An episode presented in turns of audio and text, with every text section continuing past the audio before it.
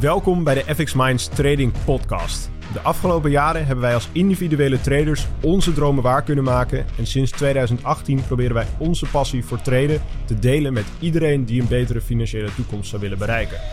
Tijdens deze podcast is het ons doel om jou zoveel mogelijk te inspireren, te motiveren en te ondersteunen in het behalen van jouw persoonlijke doelen met traden.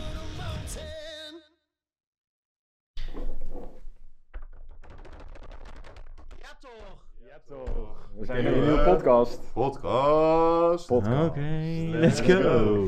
Ja. Nou goed jongens, Ehm we zijn weer bij een nieuwe podcast natuurlijk. En ehm, ja, ik denk dat we die vraag allemaal wel eens een keer gekregen hebben. Eh, maar ik, ja, ik kreeg hem toevallig laatst weer, dus ik dacht misschien leuk om het daarover te hebben. Maar ehm, heel veel mensen vragen zich eigenlijk af wat wij nou precies doen. En wat dat forex traden, wat dat nou precies is. Wat is forex traden en wat kun je ermee? Nou, moet ik wel zeggen, wij doen nu Ja. wat meer dan Forex traden. Maar we gaan het even over Forex traden hebben. Ja, gewoon ook eventjes voor de, voor de kijkers en luisteraars die eigenlijk ook geen idee hebben wat forex trading nou precies is. Misschien leek het me leuk om inderdaad dat eens gewoon een keer goed uit te leggen op de manier hoe het wel moet. Ja. Dus niet hoe het niet moet, maar hoe het wel moet. En eh, ja, misschien dat je daar wat van kunt leren. Nou, Forex traden. De handel van valuta. Hoe werkt dat? Foreign Ja. exchange, ook wel Wie, genoemd. eh, wie wil hem aftrappen?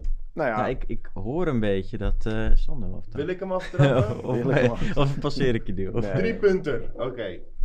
Het, handelen. Oké. Het handelen in valuta. Hoe werkt het? Stel, en dit is een slecht voorbeeldje, maar dit is even om het grondwerk te beginnen. Ik heb vandaag 100 euro in mijn zak. Hartstikke leuk. Zo. en jij gaat Ja. op vakantie naar het buitenland. Ik ga naar Engeland toe. En Engeland heeft pond. En laten we zeggen dat vandaag is de wisselkoers, totaal niet zo trouwens, maar vandaag is de wisselkoers 1 om 1. Dus ik ga die kant op en eh, ik ruil mijn euro's om met ponden, zodat ik daar kan betalen. Ja. Ik krijg van mijn 100 euro, krijg ik 100 pond. Maar komt ie, ik ben daar een hele week, hartstikke gierige Nederlander, ik geef geen cent uit. Ik heb er gewoon geen zin in. Ik blijf lekker vertoeven op mijn kamer, ik bewaar de- die ponden, Doe geen reet. ik doe geen reet. Lekker slapen, tukje doen, even bijkomen. Beetje wandelen of zo. Wandelen, eh, thee bij tante Bebke, hartstikke gezellig. Goed Ondertussen, even Engeland even langskomen. wat?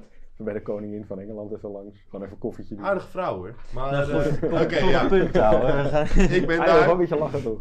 ik ben daar en eh, het gaat goed met Engeland. Eh, laten we zeggen dat ze heel veel olie hebben ingekocht of goud. Eh, Engeland heeft heel veel goud, hè? Heel veel goud. Dus ze hebben een gigantische lading goud. Dus de hele wereld die denkt zo, die pond die wordt meer waard. Want daar zit veel goud achter. Goud is aan het stijgen. Dus die pond, die wordt in één keer, 1 pond wordt in één keer 10% meer waardevol. Dat betekent niet dat je meteen meer pond in je zak hebt zitten, maar dat die pond wel meer 10% meer waard is. Als ik dan terug naar Nederland ga, gierig als dat ik ben, heb ik geen cent uitgegeven, krijg ik in één keer voor mijn 100 pond niet 100, maar 110 euro terug. Dus ik heb 10 euro winst gemaakt, 10%. Dat is eigenlijk het basisprincipe van Forex. Je handelt valuta's, je hebt de ene valuta, die ruil je met de ander in de verwachting dat die meer waard gaat worden. En dan ruil je hem terug en daardoor krijg je meer valuta terug om die waarde te, te- Ja, zo kun je dus winst of verlies maken. Zeg maar. winst of verlies maken inderdaad. En ehm, het werkt natuurlijk niet helemaal zo dat je gewoon 100 euro, want een, een wisselkoers die gaat echt niet met 10%, of tenminste hopelijk niet met 10% in een week omhoog of omlaag. Zou de wereld niet zo chill vinden, maar oké. Het is dus wel zo dat ze bewegen ten opzichte van elkaar. Ehm, nou is dat vaak op kortere periodes met kleine percentages. Dus wat het wel zo is, is dat je wat grotere posities moet kopen. Dus vaak kom je ook uit bij iets dat heet leverage. Dus eh, stel, Hefboom, eh, hefboomprincipe. Stel, ik, heb, eh, ik wil een positie openen van, laten we zeggen dat ik 10.000 eh, eenheden valuta, dus bijvoorbeeld 10.000 euro, eh, wil gaan, eh, aan 10.000 euro aan pond wil gaan kopen. Laten we zeggen dat ik een eh, hefboom van mijn broker aangeboden krijg van 1 op 100. Dan moet ik nog 100 euro neerleggen. Ja. Die hefboom, dat houdt eigenlijk in dat jij die broker die zegt van weet je wat, jij krijgt van mij dat bedrag, jij mag daarmee die aankoop doen. Ik wil eh, je hefboompercentage, dat wil ik als onderpand van je krijgen. Dus nou, een honderdste deel van 10.000 is 100 euro. Dus die 100 euro die leg je bij hem neer. Je zegt van, nou, die Ja, mag dat je is dan zeg maar je marge die je, die je, die je aangeeft. Zeg maar. Ja, dat is een soort van borg ook. Ja. En die broker die zegt tegen jou, weet je wat, ik weet het goed gemaakt. Eh, jij hoeft alleen het resultaat innen. Dus stel jij maakt op basis van die 10.000, eh, of die ponden ter waarde van 10.000 euro die je gekocht hebt, maak jij, laten we zeggen, 200 euro winst of 200 euro verlies. Het is nog steeds wel heel veel op zo'n positiegrootte. Maar Laten we dat, dat, ja, in principe kan dat niet. Als Nee. je 100 euro hebt, kan je niet 200 euro verlies maken. Ja, dat Nee, nee, broker een word bedrijf. je eruit gegooid, maar- Nee, je moet 100 euro onderpand. Je kan Ja. er ook 1000 euro in je account hebben. Ja, oké. Nee? Maar precies, dan precies. leg je maar 100 euro daarvan weg. Nou, laten we even zeggen dat je... Je hebt dus 1000 euro in je account. Je moet 100 euro moet je als borg wegleggen bij je broker... om die positie eh, mogelijk te maken, zeg maar. Die positie openen. Als in dat je die eenheden aan valuta mag kopen. eh ponden ter waarde van 10.000 euro. En eh, laten we het realistischer houden. waarschijnlijk is het nog steeds een slecht voorbeeld. Maar oké, het principe klopt wel. Jij maakt of 50 euro winst of 50 euro verlies op die positie.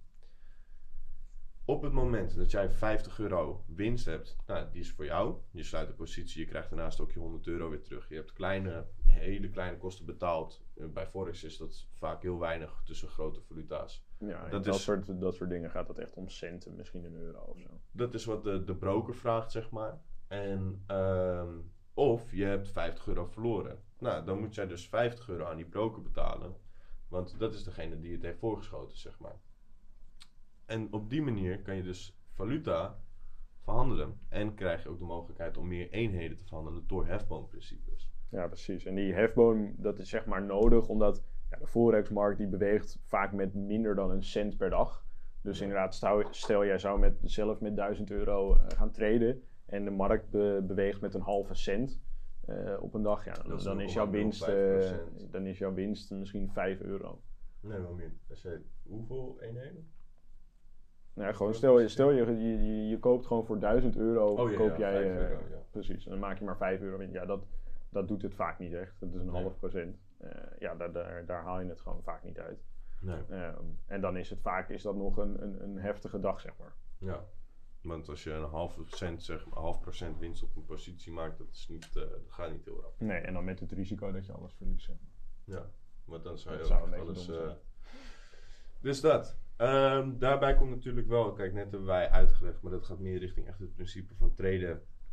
Dat je 50 euro winst zou kunnen maken en 50 euro verlies. Nou, als jij 1000 euro in je account hebt zitten, is het gebruikelijk dat jij eh 1 tot 2 procent aan risico accepteert. eh, de maat van een stoploss.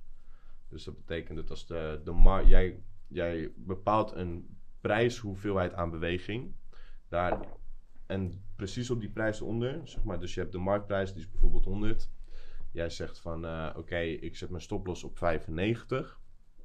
En op 95, die prijslijn geef je van tevoren bij je broker aan. Hoor dan, als die koers daar naartoe daalt, dan heb ik er geen vertrouwen meer in. En vanwege verantwoordelijkheid wil ik dan dat je meteen mijn positie sluit. Dat is gewoon de hoeveelheid risico die ik neem in prijsbeweging. Nou, dan ga jij berekenen. Er zijn hele handige tools voor online. Hoeveel units moet ik kopen om dat bijvoorbeeld 2% van mijn account groter te maken? Dus als jij 1000 euro hebt, dan wil je zeggen van oké, ik wil 20 euro riskeren op basis van die 5 euro prij- koersbeweging. Nou, ga je dat berekenen. En dan komt daar eh, een, een lot size uit, zoals dat heet. Een, eh, een position size. En dat koop je dan. Ja, want het belangrijke met forex traden is, over het algemeen handel je dat in contracten. Ja, dat zijn klopt. lotcontracten. En één is 100.000 stuks. Ja, precies. Eén volledig volledig lotcontract. Dat is inderdaad vaak 100.000 stuks van eh, de ene valuta naar de andere valuta, zeg maar. Ja. Ehm, je kunt ook in, in bijvoorbeeld 0,1 eh lot kun je handelen en zelfs 0,01 En dan lots kun je handelen. microlots die wat kleiner zijn. Ja. Dus het- er zijn wel wat mogelijkheden om ook met wat kleinere posities te treden als je minder kapitaal hebt. Ja, precies. En Ja, dat hebben ze ooit bedacht, omdat op een gegeven moment al met al die nulletjes waar je, waar je mee aan het klooien bent, dat was gewoon één grote priegelpartij. En er Ja. werden in, op de beurs, zeg maar, dat er echt nog zeg maar, handmatig gehandeld werd, werden er gewoon enorm veel foutjes gemaakt en met nulletjes en eentjes en dingetjes. ja. Wat er gewoon voor zorgde dat je bijvoorbeeld of ineens een positie tien keer zo groot of tien keer zo klein eh, nam. Ja, dan Ja, gaat dat redelijke op. problemen opleveren. Ja. Als je zeg maar voor bijvoorbeeld een, eh, voor, voor een fonds of een grote institutionele eh, partij aan het beleggen bent. Ja. Als je dan Ook als je voor jezelf voor, want het heeft Ja. heel veel risico. Nou, als je tien, tien, keer, je tien keer zoveel risico neemt, ja, dan is dat niet heel eh En tien keer zo weinig is ook heel slecht. Want Ja. je moet heel consistent zijn erin. Ja, precies. Je moet er gewoon heel precies in zijn en heel secuur in zijn om daar eh, lekker mee aan de slag te gaan. En Ja. de, de reden daarvoor, als ik me even mag eh, eh, uitbreiden, is dat, kijk, dat, dat voorbeeld van 50 euro verlies, 50 euro verdienen, dat is een slecht voorbeeld. Want dan heb je de kans om of even, of één hoeveelheid te verliezen, of dus precies dezelfde hoeveelheid te winnen. Nou, dat is geen goede ratio, zeg maar. Dat is als je, alsof je naar het casino gunstig. gaat en dat je geld op brood zet bij eh, roulette. Dan kan je net zo goed naar het casino. Het ding is dat wat je doet met traden, eh, en straks kunnen we eventueel ook wel wat meer uitleggen over hoe je dat kan bereiken, is dat je zoekt situaties waarin het winstpotentie hoger is dan het risico. Dus dat je bijvoorbeeld een minimumverhouding van 1 op 3 hebt. Dat wil zeggen dat als ik een positie open waarmee ik 20 euro van mijn, van mijn geld kan verliezen, dat ik eis dat ik kan verwachten dat er zeg maar, dat het heel aannemelijk is dat als het de trade goed uitpakt, dat ik in ieder geval drie keer zoveel eh, risico terugverdien aan winst, zeg maar. Het ding daarvoor is, is kijk, op het moment dat jij eh, helft om helft hebt, op het moment dat jij dan zeg maar 50, moet je 50% van je trades moet je halen om key te spelen. Ja, Want dan precies. verlies je één keer, verlies je 50 euro, daarna win je een keer 50 euro. Ja, en als je dat om en om Ja. blijft doen, dan verdien je daar eigenlijk helemaal niks aan. Betaal je alleen maar fees eigenlijk. Betaal je alleen de kosten, zeg maar. En dat is al op het moment dat je, eh, zeg maar, het 50% van de tijd juist hebt. En dat is best wel lastig met forex traden, want het is best een, eh, er zijn wat lastigheden met het, het vinden van goede momenten en de waarschijnlijkheden van succes per trade. Ja. Hoe hoger die verhouding is tussen je risico en je potentieel winst, hoe makkelijker het is om winst te maken. Want als jij bijvoorbeeld 1 op 3 aanhoudt, dan hoef je nog maar één, zeg ik dat goed? Dan hoef je nog maar 1 op de 3 keer te winnen om winst te maken. Of zeg ik dat dan Nou ja, kijk, je moet het zo zien. Stel, hè, je, jouw, jouw winst van een winnende trade is drie keer zo groot als dat van een verliezende trade. Dan Ja. kun jij drie trades verliezen en één trade winnen en dan kiet spelen.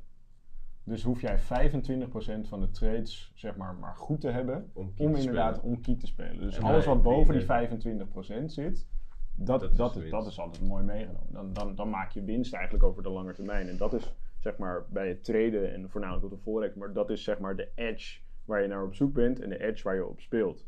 Ja. En dat is iets wat je bijvoorbeeld in het casino heb je dat vaak niet. Ja, Nee. Je zou dat met pokeren zou je dat kunnen hebben. Alleen Pokeren en blackjack dan is het, dat, dat, is zeg maar, de, daar, heb, daar kun je een edge in hebben. Maar Ja. bijvoorbeeld inderdaad in, eh, in, aan een roulette tafel heeft, heeft zeg maar, het casino heeft altijd de edge bovenop iedereen. Ja. En die wint ook, op die manier weet het casino ook, het maakt niet uit welk getalletje er komt, hoeveel iedereen inzet. Ik win, uiteindelijk win ik altijd wel. Wel hebben toch andere 51% en de, Ja. zeg maar, de gokker heeft 49%. Ja, precies. Dus altijd die paar procent winst, zeg maar, of die 1% winst, daar winnen ze het Ja. Ja. En dat komt omdat je zeg maar, je hebt eh, een bepaald aantal getalletjes en je hebt het getal 0, zeg maar. En Ja. die zorgt ervoor dat, je die, dat het casino zeg maar die edge heeft.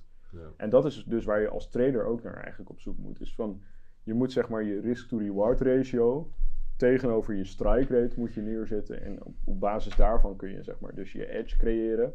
En kun je dus inderdaad over de lange termijn winst maken. En, ja, tijden, en als je dat uit gaat rekenen aan, aan de hand van het backtesten van je strategie, dan kun je gewoon inderdaad zien van hé, hey, wat is mijn, wat is mijn risk-to-reward van alle trades? Wat is mijn strike rate? En ja, levert dat winst op aan het eind van de rit of niet?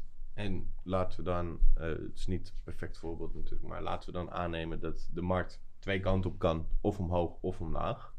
Op het moment dat je dan alleen al weet uit te sluiten wanneer het niet waarschijnlijk is dat er grote bewegingen komen in de markt. Dus stel je kijkt naar een, een grafiek, een wisselkoers en die ligt helemaal plat. Ja, dan kan jij daar niet waarschijnlijk een trade op eh, nemen die die ratio voldoet, zeg maar. Dus waarin de winstpotentie groot genoeg is tegenover je risico. Maar stel jij zou alleen al herkennen wanneer het heel waarschijnlijk is dat er een grote beweging aankomt, omdat er gewoon veel toename, veel gebeurtenissen is. Je ziet dat er in één keer een eh, Veel volume in de markt. volume in de markt komt inderdaad. En je zou al niet eens weten of het naar boven of naar beneden gaat. Dan heb je dus een 50% kans. Je zit in een situatie waarin het heel aannemelijk is dat de winstpotentie versus risico hoog genoeg is. En op het moment dat je het dan op basis van dat het maar of omhoog of omlaag 50% van die trades goed hebt, nou dan maak je al winst. Dan ga je al de goede kant op. Ja. En dan hoef je nu nog niet eens te doen te weten wat de markt gaat doen. Maar dat is niet hoe het werkt, zeg maar. Je hoeft niet precies te weten wat de markt gaat doen. Het is leren omgaan op een strategische, tactische manier met de onzekerheid van de markt. En ook dat leren uitbuiten. En dan ben je er. Even eh, misschien ook een vraag wat iemand zichzelf kan afvragen. Van oké, eh, we traden in valutaparen.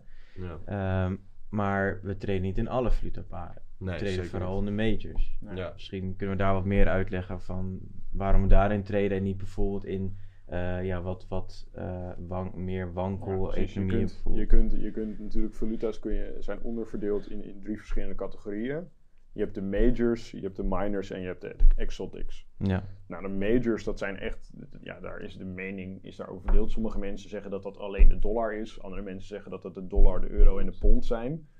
Ehm, nou goed, dan heb je er in ieder geval heb je, de, heb je die drie heb je al. Dat zijn echt de, de, de meest verhandelde valuta's, zeg maar.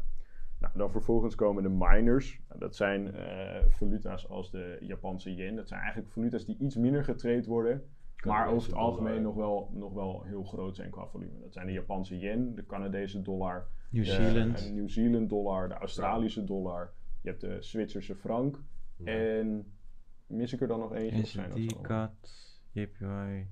Volgens mij hebben ze er ze allemaal zo, ja. Ja. Ja. Ja. Nou goed, dan heb je, dat zijn eigenlijk zeg maar de, dat zijn de majors en de minors. Dat zijn de pairs waar het meest op getraind wordt. En dat zijn ook de pairs waar wij zelf op trainen. Ja. Nou, dan vervolgens heb je ook nog de exotics. Nou ja, de, de, de naam schetst het misschien al. Ja, dat zijn gewoon, de, dat, dat zijn eh, gewoon de, al- alle andere valuta's in de wereld die je maar kunt, eh, kunt kennen. Eh, Eh, inderdaad, Turkse lira. Eh, de, Dubai, heeft ook een... eh, ja, eh, de- de dirham Sing- of zo. Ja, dan heb je nog de Singapore de dollar. Singapore dollar, ehm, de, de Turkse lira. De, vroeger had je de Italiaanse florijn. Ik weet even niet, Ja. dat is volgens mij uit de Romeinse tijd zelfs. Ja, ik weet niet hoe oud dat is. De pesos, ja, noem het allemaal op. Al die kronen in, in heel Scandinavië natuurlijk. Ja. Ehm, Ze zijn best wel stabiel trouwens voor een exotic. Ja, nee, kronen. klopt. Zijn ook, onder de exotic zijn dat nog de meest relatief bekende en meest verhandelde pairs, zeg maar. Ik heb daar zelf ook nog wel eens op gehandeld trouwens. Dat was wel echt, Ja. dat was wel echt lachen. Een ander nadeel trouwens wel van die exotics is dat eh, als we het hebben om zeg maar waarom we een van de redenen waarom het heel gebruikelijk is om vooral majors of majors tegenover minors of maximaal minors tegenover minors te treden en geen exotics erbij te betrekken, is omdat er zoveel handel is in dat in tussen die valuta's, is het dus ook heel makkelijk voor brokers om eh, koop- en verkooporders bij elkaar te brengen en die te matchen, zeg maar. Ja, bij, bij de grote valuta's. Ja, ja, ja, bij de grote Ja. valuta's. En omdat daar zo'n snelle doorloop in zit, dat die circulatie zo gigantisch snel gaat, kunnen die brokers hoeven maar een heel, heel klein percentage te pakken van die transactie. En dan verdienen zij daar echt degelijk geld mee. Ja. Op het moment dat je het hebt over een eh, handelspaar wat veel minder verhandeld wordt, laten we het hebben over echt een extreme, de, de De Noorse Turkse lira kroon. tegen de, tegen de Noorse kroon. Ja, nou, dat, dat, ik heb nog nooit iemand gehoord die dat heeft gedaan. Maar de Turkse lira tegenover de Noorse kroon, dat gebeurt gewoon haast niet. Dus omdat er zo weinig... Gehandeld wordt, Gehandeld zeg maar, wordt. op dat pair. Er is zo weinig volume. Dat gewoon de, sowieso al de spread is enorm hoog. Ja. Want ja, er is Dat is gewoon... gewoon de ruimte tussen de ruimte tussen de, verkoop. koop, de, de, de, de, de, de laagste koper en de hoogste verkoper is al zo hoog dat het, dat het gewoon al lastig is om daar winst uit te halen. Want Ja. ja. zodra je zeg maar daar instapt, sta je eigenlijk al 3-0 achter. Ja. Gespeelde wedstrijd en, en, al ja, dan heb je al een jantje op de zeg maar. Dan moet je eigenlijk, eigenlijk moet je meteen lieven, zeg maar. Ja, dan. een stoploss Ehm, ja, nee, dus en dat, dat is zeg maar al het eerste.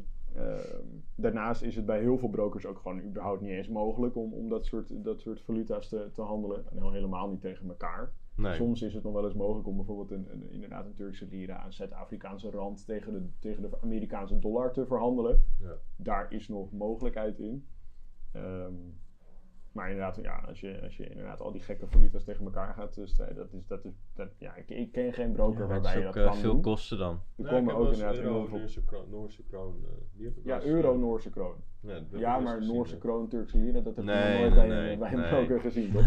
Mag ik hopen dan. Die combinaties kun je gewoon beter vermijden eigenlijk. Nee, precies. Ja, daarom. Dat, dat, dat is gewoon ja, onverstandig. En daarnaast is het ook nog eens zo dat die markten zijn enorm instabiel. Zoals Ja. je ook hebt gezien, die, die, die Turkse lira, die is echt de afgelopen tien jaar echt van, van, van, van, van, voorbeeld. van laag naar helemaal niets gegaan.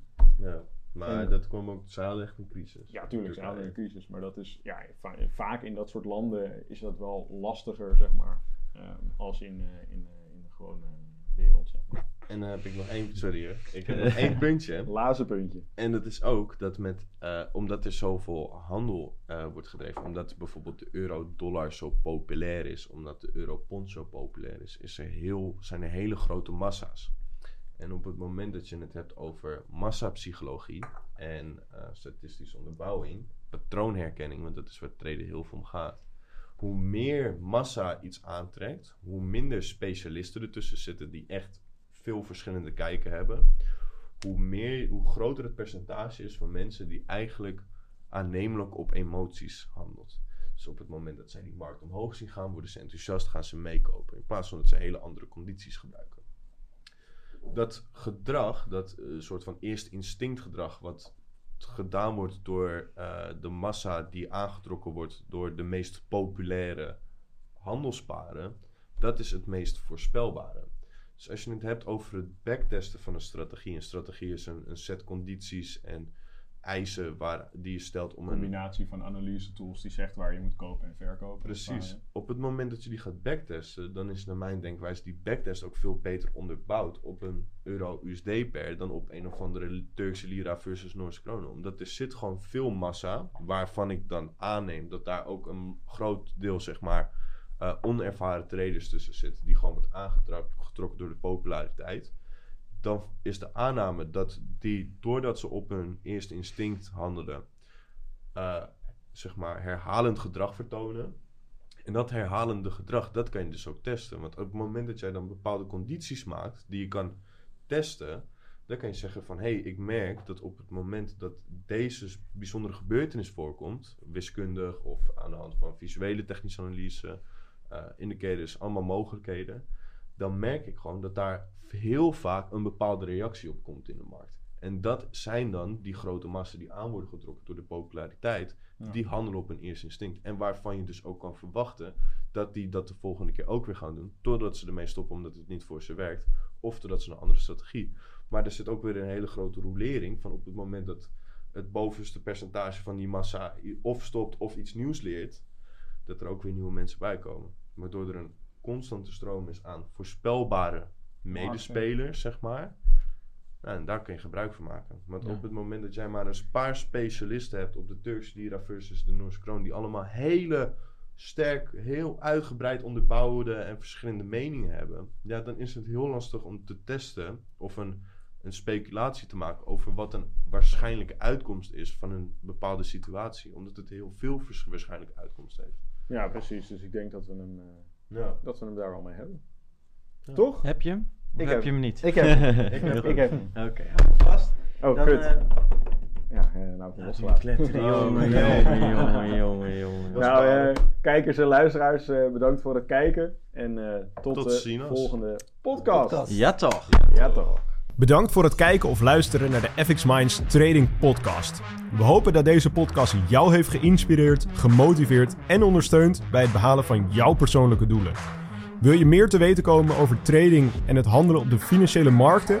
Abonneer je dan nu op ons YouTube-kanaal of volg de FX Minds Trading Podcast in jouw favoriete podcast-app. Om altijd op de hoogte te blijven van de nieuwe FX Minds podcasts. En zou je FX Minds graag willen helpen? Geef deze podcast dan een like of laat een review achter op Google of in jouw favoriete podcast-app. Zo zorgen we er samen voor dat meer mensen deze podcast ontdekken. En heb je interesse om Forex te leren traden? Neem dan een kijkje op fxminds.nl en meld je aan voor het lidmaatschap. Of download ons gratis e-book. En hopelijk zien we je weer bij de volgende Trading Podcast.